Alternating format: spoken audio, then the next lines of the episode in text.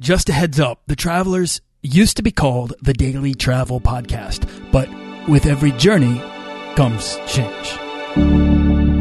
This podcast is produced by Holocene, a community of creative travelers. If you want to get serious about planning that next trip, writing that book, starting that creative project, or launching that business, we're breaking down the barriers between where you are where you want to be together at joinholocene.com. That's join, H O L O C E N E.com.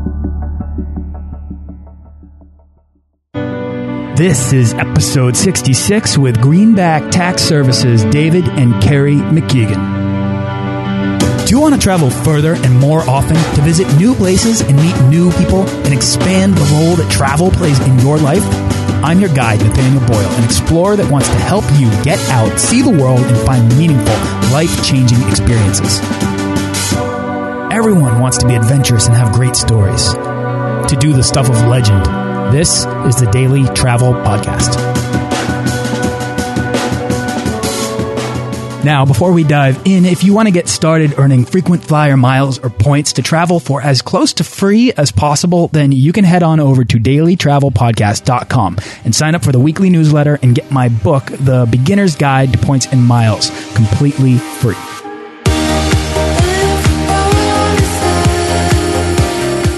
Today, I'm bringing on the show someone who has made something as dreadfully boring as tax preparation into nothing short of a life of travel for himself and his family. Uh, David McKeegan and his wife Carrie are both from New York, but for the past 12 years, they've been traveling the road, starting a family, running a tax preparation business for expat entrepreneurs, and not letting that hold them back from seeing the things they want to see, doing the things they want to do, and living the life they once dreamed of living, right? They've got their start in Europe before taking the plunge to go nomadic, and clearly they proved the point that a life of travel can extend beyond your 20s, your single years, and even after you have kids. Uh, I can't wait to share their, share their story and how they manage all the complexities of the road in a way that hasn't deterred them from perpetual travel as a family. So, uh, David and Carrie, uh, welcome to the show. Hi, thanks for having us. Yeah, thank you. Awesome. Where are you guys right now? Uh, right now, we're actually in New York, of all places. I love it. Well, that's the same time zone I'm on. So, uh, uh, what do you guys? Are you back home now? Yeah, we're back for the summer. We're uh, we're actually pregnant with our third child, and uh, we're going to have this one in the United States. Exciting. Awesome. So, as you may or may not know, I have just had my first child, and she's uh, eight weeks old Monday. So, ah, congratulations. So, this is, whole world is very new to me, but it's also very fresh in my mind, which means that I have all these questions that, um, you know, I want to, I want to ask you guys personally and share with my audience because I think that it's for people that don't have kids. Uh, it's a scary thing when travel is this huge importance in your life.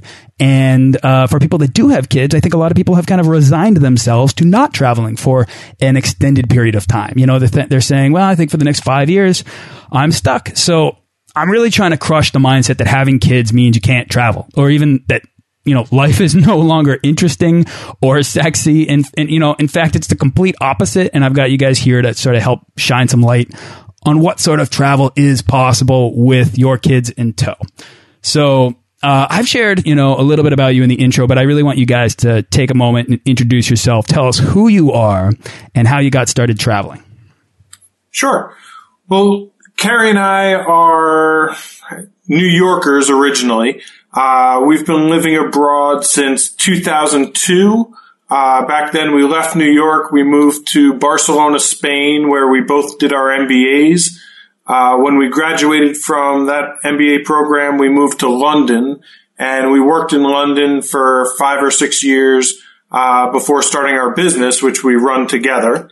And when we started the business, uh, that really gave us the flexibility to, uh, yeah, just live and explore the world a little bit more than we had before. Uh, and yeah, obviously when we were living in London, we got to travel quite a bit. You know, the banks over there give you 30, 35 days off a year. So, uh, you know, it's not like being in the U.S. where you get two weeks or anything like that. Uh, but it wasn't, you know, really after we started our business, we were able to just decide where we want to live and get up and go there. So, you know, we've lived in Brazil, in Bali, Indonesia, uh, in Argentina, and Uruguay, uh, in Barcelona again. You know, we've done extended trips to Australia and, you know, all over Southeast Asia. So that's all within the past 12 years. Yeah, but predominantly in the last five years. So when we were living in um, London, we were both working at big banks, um, and we had very traditional jobs. So we traveled. I mean, we literally were probably the only bankers in London that took every vacation day and you know flew to South Africa or to you know Indonesia or Vietnam or whatever. So we've always had that passion, but it wasn't until we started our own business that we were able to do things like you know, live in Bali and have a baby in New York and in the same year go to Vietnam for a month kind of thing. Amazing. All right. I want to get, I want to get into that full on. Um, but before we get there, I really just kind of, I want to understand where you guys are coming from and what inspired your decision to, uh, first of all, just move to, uh, move to Europe, move to Barcelona. So it sounds like you guys were both in graduate school together. Is that where you met? No, we met before that, but we did. We both went to the same graduate school. Okay, and then the graduate school offered a program to study abroad in Barcelona, right? No, actually, you know, I'll get something right eventually. Um, it was about 2001, and we had both decided we wanted to go back to business school. We weren't sure if we wanted to do it at the same time or what exactly we wanted to do. And um, right after September 11th, we had actually been going through and doing all these different, you know, business school um, visits. So we were in North Carolina, we were in Boston, we were in Chicago. We were kind of looking at all these schools, and what we really wanted to do was to move abroad, um, but to do so in a way that was, you know, responsible. We weren't ready to to quit our jobs and just kind of, you know, hitch on some backpacks and, and do that. We were pretty career oriented. And um, right after September 11th, we, you know, as many New Yorkers did at the time, and you know, Americans and kind of the overall world, all of a sudden said, "Hey, you know what? Let's just do something a little bit more creative." Um, and try to, you know, do something that we want to do. And so we applied um, to business schools in Europe and and decided to take the plunge that way. Got it. That's a little unusual. I mean, not a lot of people even um, pursue that, but it is one way to begin uh, to give yourself sort of a travel experience or at least the opportunity to explore a life in another country. Um, and it, that's to not necessarily limit yourself to just American schools, not or, or, the schools in your own country, I should say, if, you know, for anybody else listening. Um, but, you know, I think that's really interesting. So, when you got there and you started living in Europe, was it the lifestyle in Europe that kind of uh, started making you feel like you didn't, you know, want to just go home and settle down, but that you wanted to continue exploring? Well, we were in Barcelona for two years and loved it, and then we um, we both took big jobs in in London with the idea that London was a great base to see all of Europe from. So. I mean, we literally were, you know, traveling probably two weekends a month. We'd leave straight from work on Fridays, go to, you know, Prague or, you know, just go somewhere and then, you know, practically be flying back either late Sunday night or early Monday morning. And we did that for, for about five years. Yeah, it was a bit of a running joke that, you know, would wheel into the office on Fridays with, you know, suitcases or backpacks and people would be like, oh Christ, where are you going now? yeah. But again, we were pretty career minded. So neither of us wanted to take the plunge and kind of fully, fully devote ourselves to that. Um, and about five years in, we, decided we were also ready to start a family and said, you know what, all of these things, you know, we need to build a bit more flexibility into our life. Um, had, you know, both were very entrepreneurial, wanted to start our own business at some point anyway, and said, you know, let's, let's come up with an idea. Let's think through some ways that we can, um, build a business that doesn't, uh, doesn't require us to be in one particular location, but still kind of furthers the career ambitions we have. Well, why would you why would you begin to think that way? I mean, what was it if you're able to travel because I'm listening to this and you're able to travel, you know, two weekends out of a month anywhere in Europe that you want. You have a well-paying job so you can afford to do it. Uh, at, at what what was it that was kind of itching at you to say, "Well, we need more flexibility. We need more freedom." You know, answer that to an an American that might be listening that only has 2 weeks a year to travel. Let, let me answer it in a different way. Okay.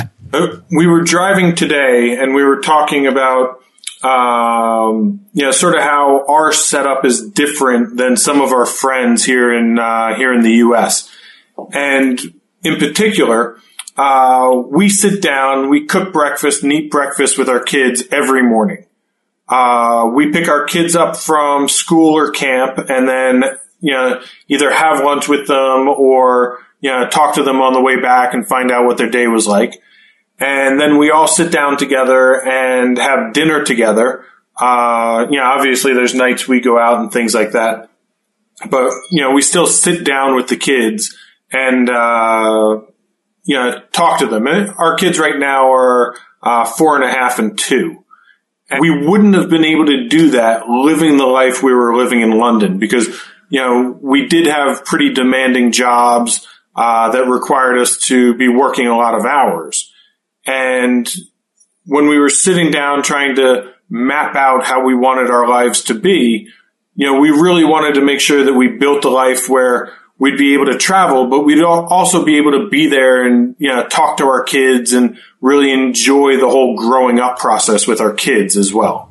I, I love that. Plus, and here I'm wondering this if this resonates with you, but you know, to give children the opportunity to see the world, and I'm thinking about this with a brand new one right here, you know, on the planet. You know, for for that to be a normality, for them to be informed of the different ways of life, to be encouraged to be imaginative and to explore. You know, imagination that that's the greatest gift that you can kind of offer someone, and I, I feel one that we should be encouraging more people to to do if if you know if it's something they want for their family or for themselves. But I'm wondering, did that gift uh, play into your decision when you were sort of designing your future lives at the time?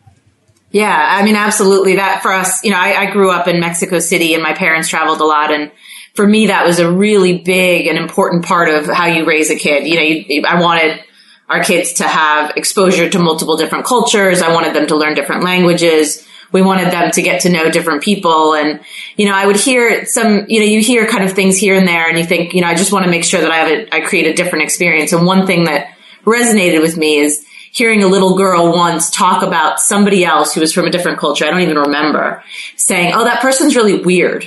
And thinking, they're not weird. They're just different than you. You just have no idea that somebody in, you know, Indonesia might have a different religion than someone in the US. And it's not weird, you know, and we wanted to make sure that our kids grew up with that, um, understanding in a very deep way where they really kind of got the sense of their place in the world and were able to, you know, meet lots of people and talk to lots of different people and really just not kind of feel like they associated with one particular country some people we've taken that would say that we've taken that too far because now they've kind of been all over the place. But we uh, we like it. sure. Well, I mean, the idea that like what weirdness is is one of those those things that's almost impossible to define because it's so relative to your definitions of reality. Um, but there's so many other things that become so many other words, you know, uh, that are redefined by a greater exposure to the world through travel, and uh, you know, for you to be able to almost redefine what uh, what poor is or what wealthy is, you know, and to be able to kind of change your mindset about the priorities of life. It can be a, can really help kids grow up with a better compass for uh, decision making process, which is really, as we all know, very hard to do when you're trying to figure out who you are.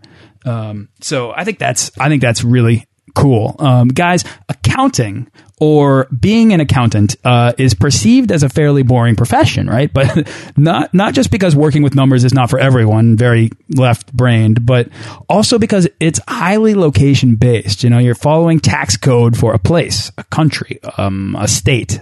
Uh, my, I guess my question is, how did you ever stumble into making tax prep something that you guys could do without the dependence of location? Well, it's, it's probably important to note that that both of us are entrepreneurs as opposed to accountants specifically. Oh, so it's good to know. We um we started the business because we had a need when we were in London and found it unbelievably frustrating to get our taxes done. So it was one of those things that you were like, you know, you'd say on weekends for five years, someone should really sort this out. I mean, this is a good idea. and then all of a sudden, when you're thinking, I should start a business, you think, well, that is something that we can sol- solve for. um, we both come from kind of financial services backgrounds. Um, and so very much felt comfortable with that space, understood what people wanted and what they needed. Um, and knew that if you look at that particular industry, you know, there are tons of accountants out there that don't really know how to find, that have good experience in terms of expat tax prep, but don't know how to find those customers. So they're not marketing people. They're not operations people. And you really needed to be able to find a way to marry up people in the U.S. who have lots of good experience with, you know, that, that particular segment of, um, of customers and people abroad who were never going to in, you know, the city of London find a good U.S. expat tax accountant. So for us, it was more of a, marketing and operations business than it was necessarily an accounting business. So, how did you discover and then plug into that sort of expat entrepreneurial segment? Well, I think we're we're both kind of entrepreneurial by nature. Um, the, the way we initially started plugging into the network was just talking to our other expat friends in London and, you know, finding out how they were getting their taxes done and, you know, what the most important aspects of the process were for them. Yeah, it, it really gave us a good jumping off point for, uh, what we wanted our business to look like and, you know, how we should set it up so that it would meet the needs of you know, as many of the 7 million Americans living overseas as possible. Right. Okay. So your business is a tax prep business, um, but you're connecting expat entrepreneurs with uh, tax preparers or CPAs that uh, know how to handle the particular complexities of their businesses. Yeah. So we, we hire, so we've got, you know, about 20 some accountants that work for us that are spread across, most of them are in the US. Some are, you know, there's, a couple of people in Australia and Hong Kong, and you know, th- there's a few people that Mexico. are kind of a, Mexico, Italy. You know, there's a few people that are living Americans who have chosen a lifestyle that that we all understand, and you know, that want to live abroad. But it's basically you know those people that are living in the U.S. And then we we find basically expats, not necessarily just entrepreneurs, but people who might be working in big cities, people who might be retirees, people who might be school teachers that are living abroad. And what we do is basically um, provide a service that allows um, those people to understand exactly what they're going to pay. That you know puts them through kind of you know we have um, ex- you know, extremely well qualified accountants, and so they know that they can come to our brand and and get that kind of tax prep. Was the business something you got off the ground in London before you left, or was that something that you uh, utilized travel or a cheaper lifestyle elsewhere in order to help get off the ground? A, a bit of both. Uh, we started it in London, uh, but then we moved from London to Brazil for you know, the first nine months, and then Uruguay for about two months. Uh, yeah, to try those places out as places to live, but also because London can be a very expensive city. Uh, so yeah, it's a bit tough to be getting a business off the ground when your fixed expenses are so high. Yeah, that was my thought. London to me is the kind of city that uh, uh, you know anybody that's bootstrapping something, you get cleaned out pretty quick. It's one of the most expensive in the world, really. Yeah. Uh, I know I, I, swung through there. I mean, I've been there plenty of times, but um, the first time I well, I was there when I was six, and then when I went back when I was backpacking the world, and I had I had absolutely no money, and I just got complete. I got like my clock cleaned by just just taking the tube for like was like you know seven pounds or something crazy. Right. So then, if you're in Brazil and then you're in Uruguay, that sounds like that was nine months, three months. That's your first year out.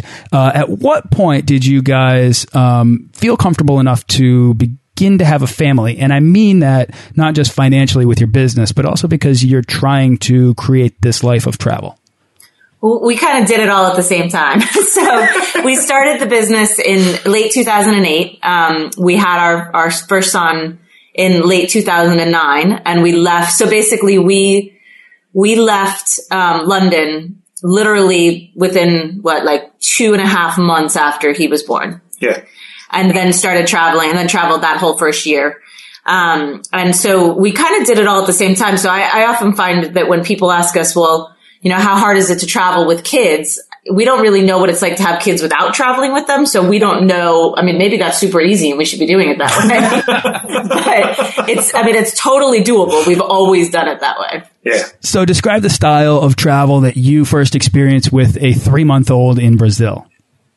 Well, when we first started tra- with one kid is a lot easier than with two, and we're going to have three in you know the next week or so, kind of thing. Yeah, congratulations! Um, Preemptive but, congratulations. Thanks. Thank you. Um, but you know, I think that, you know, what we found is that at the very beginning, before you start traveling, you have all of these concerns and kind of nerves around it. So, you know, what about all these tropical diseases? And what about, you know, finding all these products and doing all of that? And the minute you get somewhere, you realize how silly that is because people have babies everywhere in the world and know how to keep them healthy and, you know, you're fine. So I think that was sort of one of those things that, you know, people thought seemed un- impossible to do with a newborn and really isn't. You definitely have to choose your places a little more carefully, but not as much as you would think. You know, you definitely don't have to stay and, um, you know, I there's certain places I wouldn't go to, but the vast majority, 80% of the world, you probably would.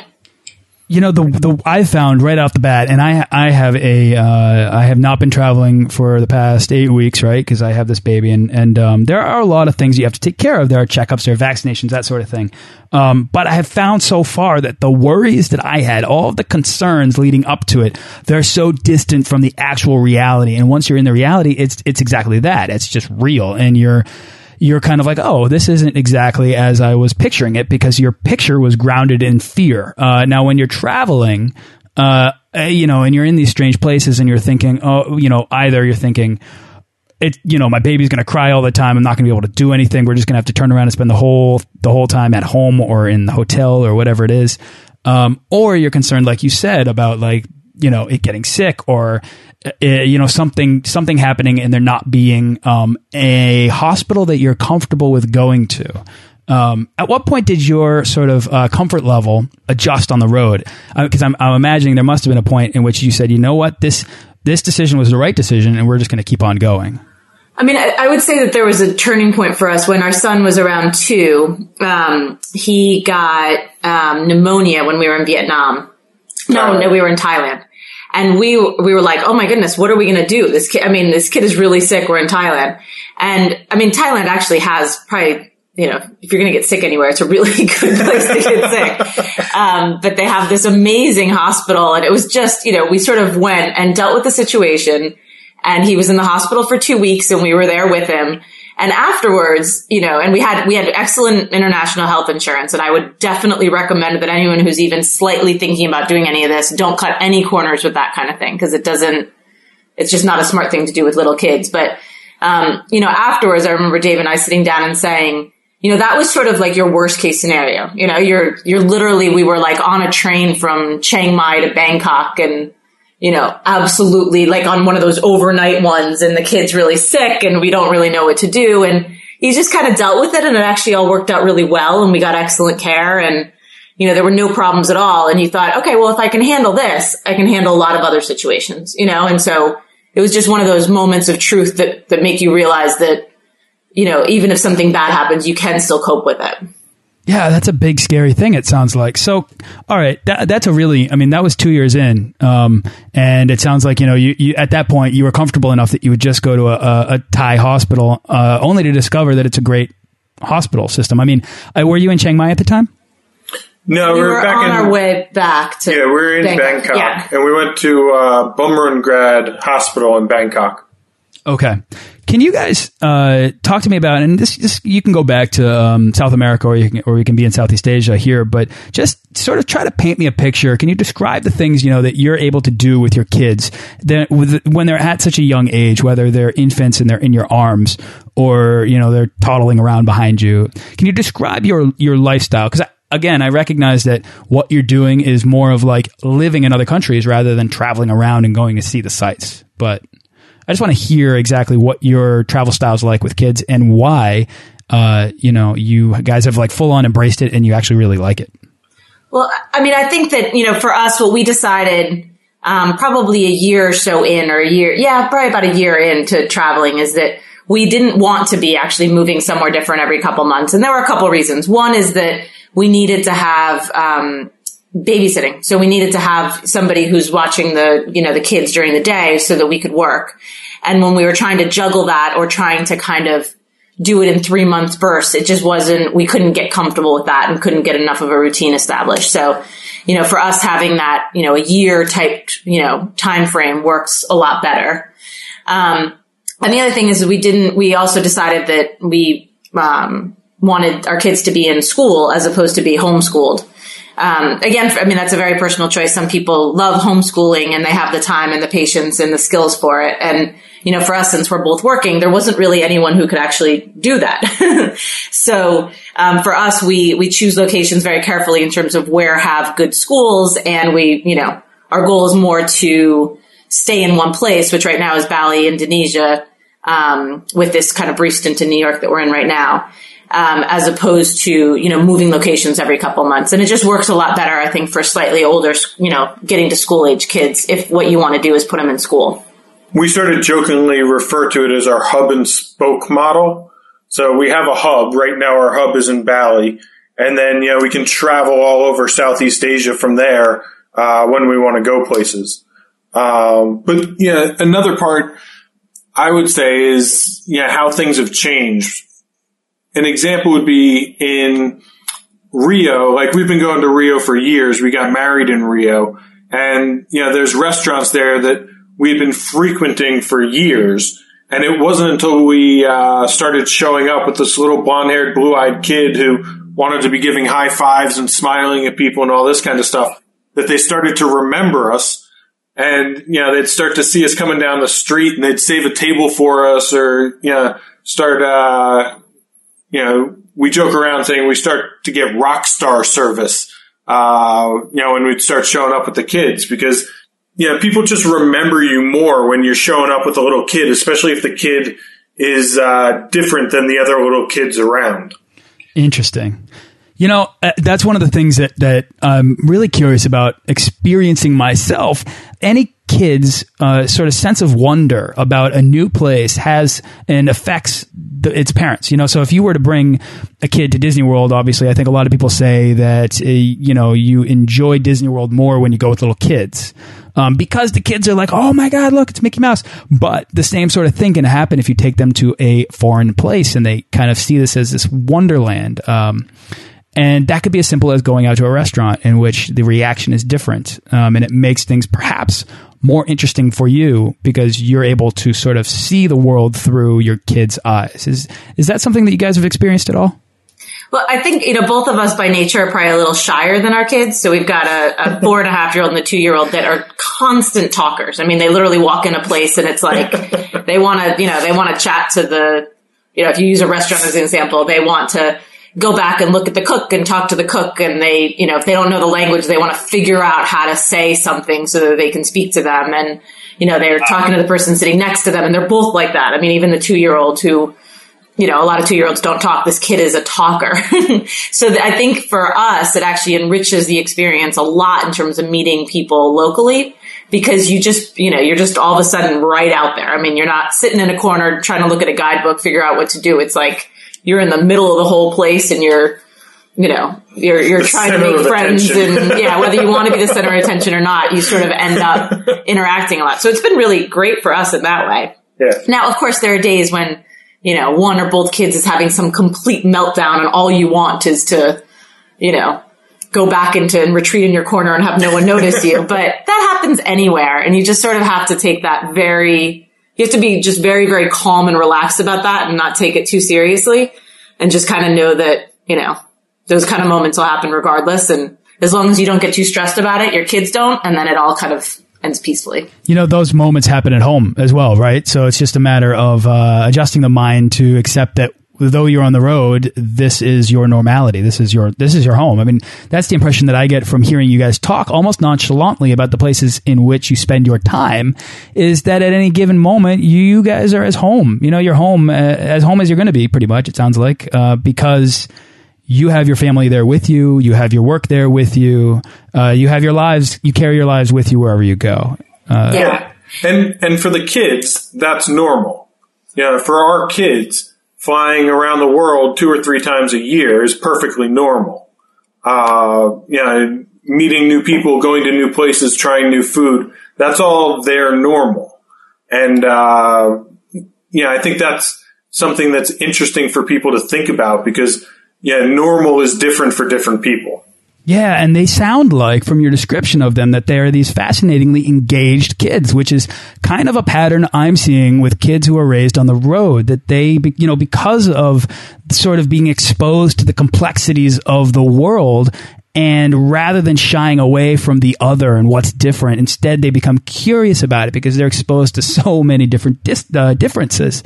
Uh, and I, I think that is that's so um, I don't know. It's really inspiring to hear that. So you know, kudos to you guys for giving them that opportunity.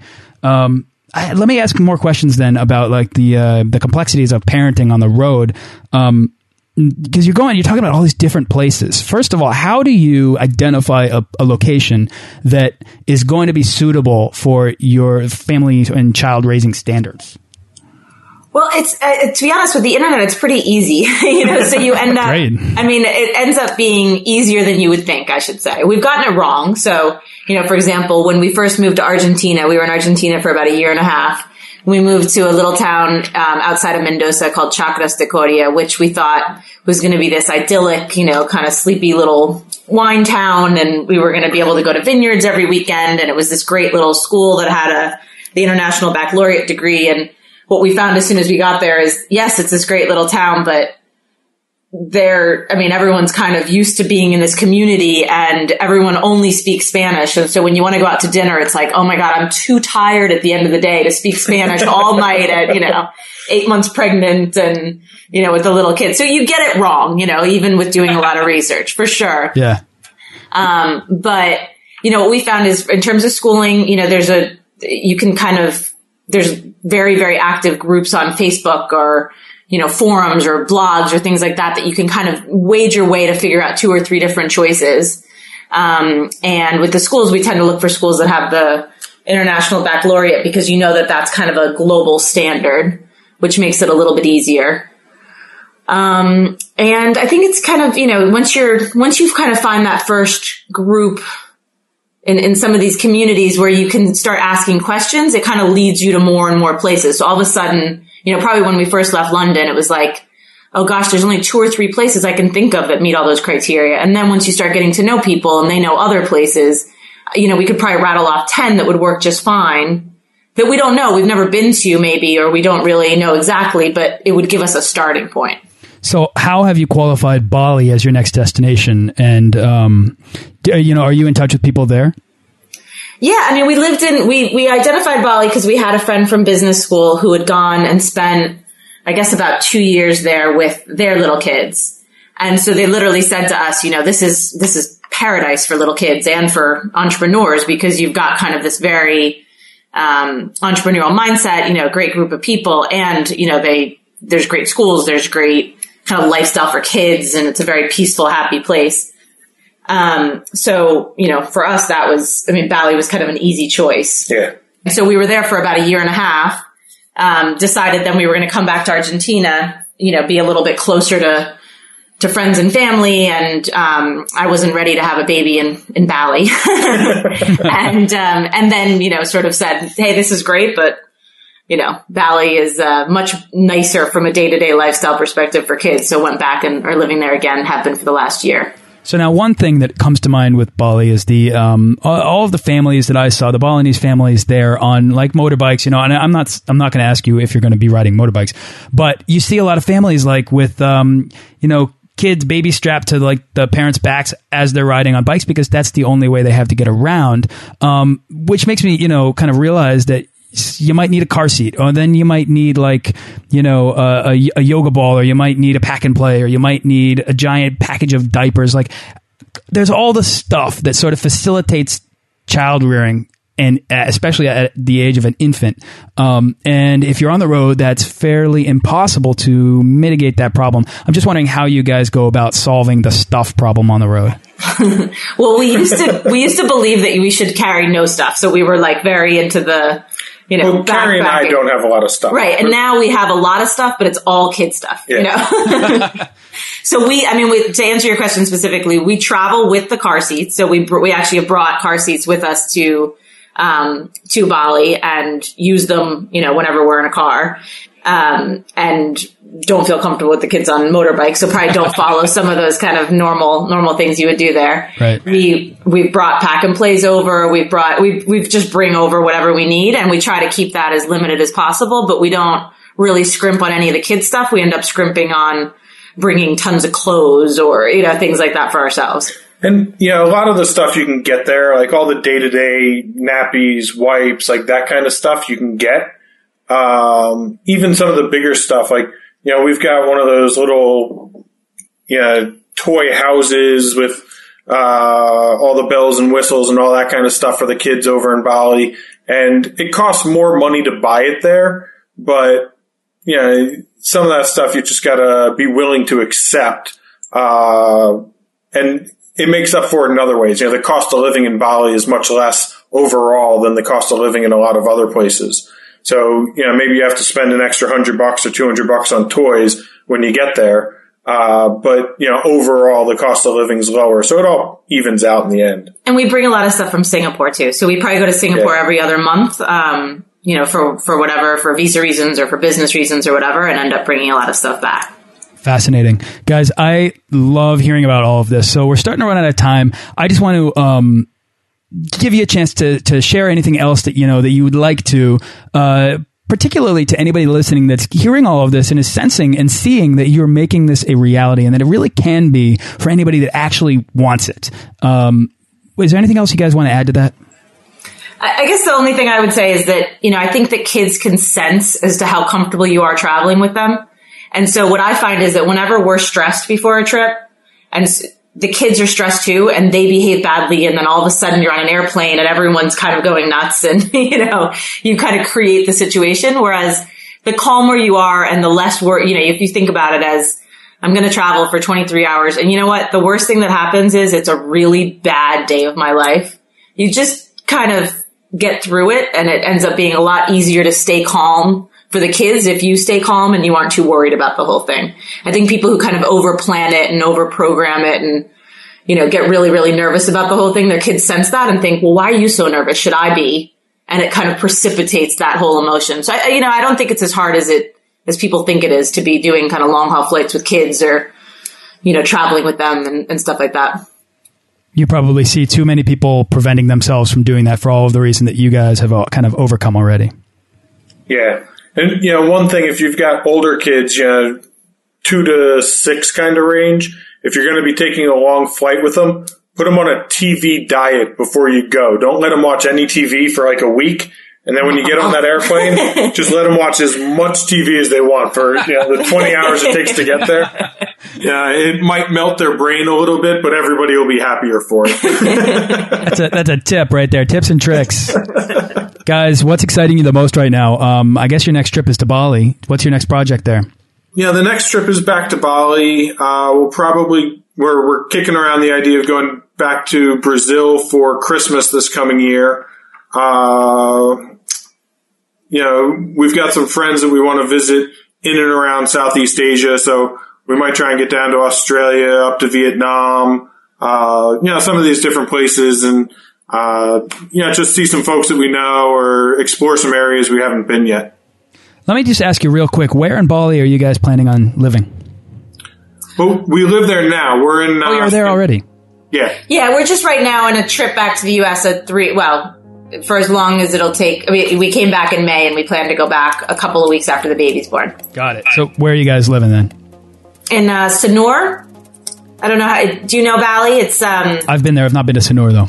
Yeah, it's a small little town, very, very family friendly, very, you know, walkable. So basically, you know, the, a few little schools around. It ends up working very, very well for kids um, because of the fact that the um, the water is very calm because there's a reef there. You know, there's a boardwalk, so it's a good family friendly little part of Bali. Yeah, I, I asked because my wife and I talk about moving to Bali uh, very often. So that's why I've been kind of very curious about how you guys make it happen for yourselves and why you're so comfortable with it.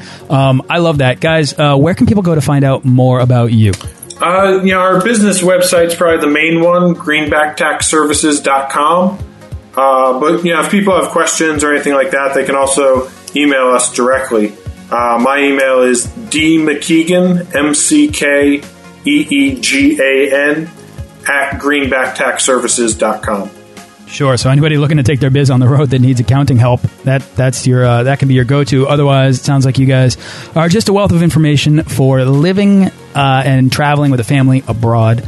Um, I've really, really enjoyed hearing everything you had to say today. It's been pretty inspiring to me, and it's got my gears going about where to next. So um, I really appreciate you taking your time to come on here, uh, and so thank you for coming on the show. Ah, thank you. Thank you. Thanks for listening to this episode of the Daily Travel Podcast. For show notes and links to everything in this episode and more, head on over to dailytravelpodcast.com. Join our Facebook page of explorers and subscribe to our newsletter for the best deals and resources to help make your next trip life changing.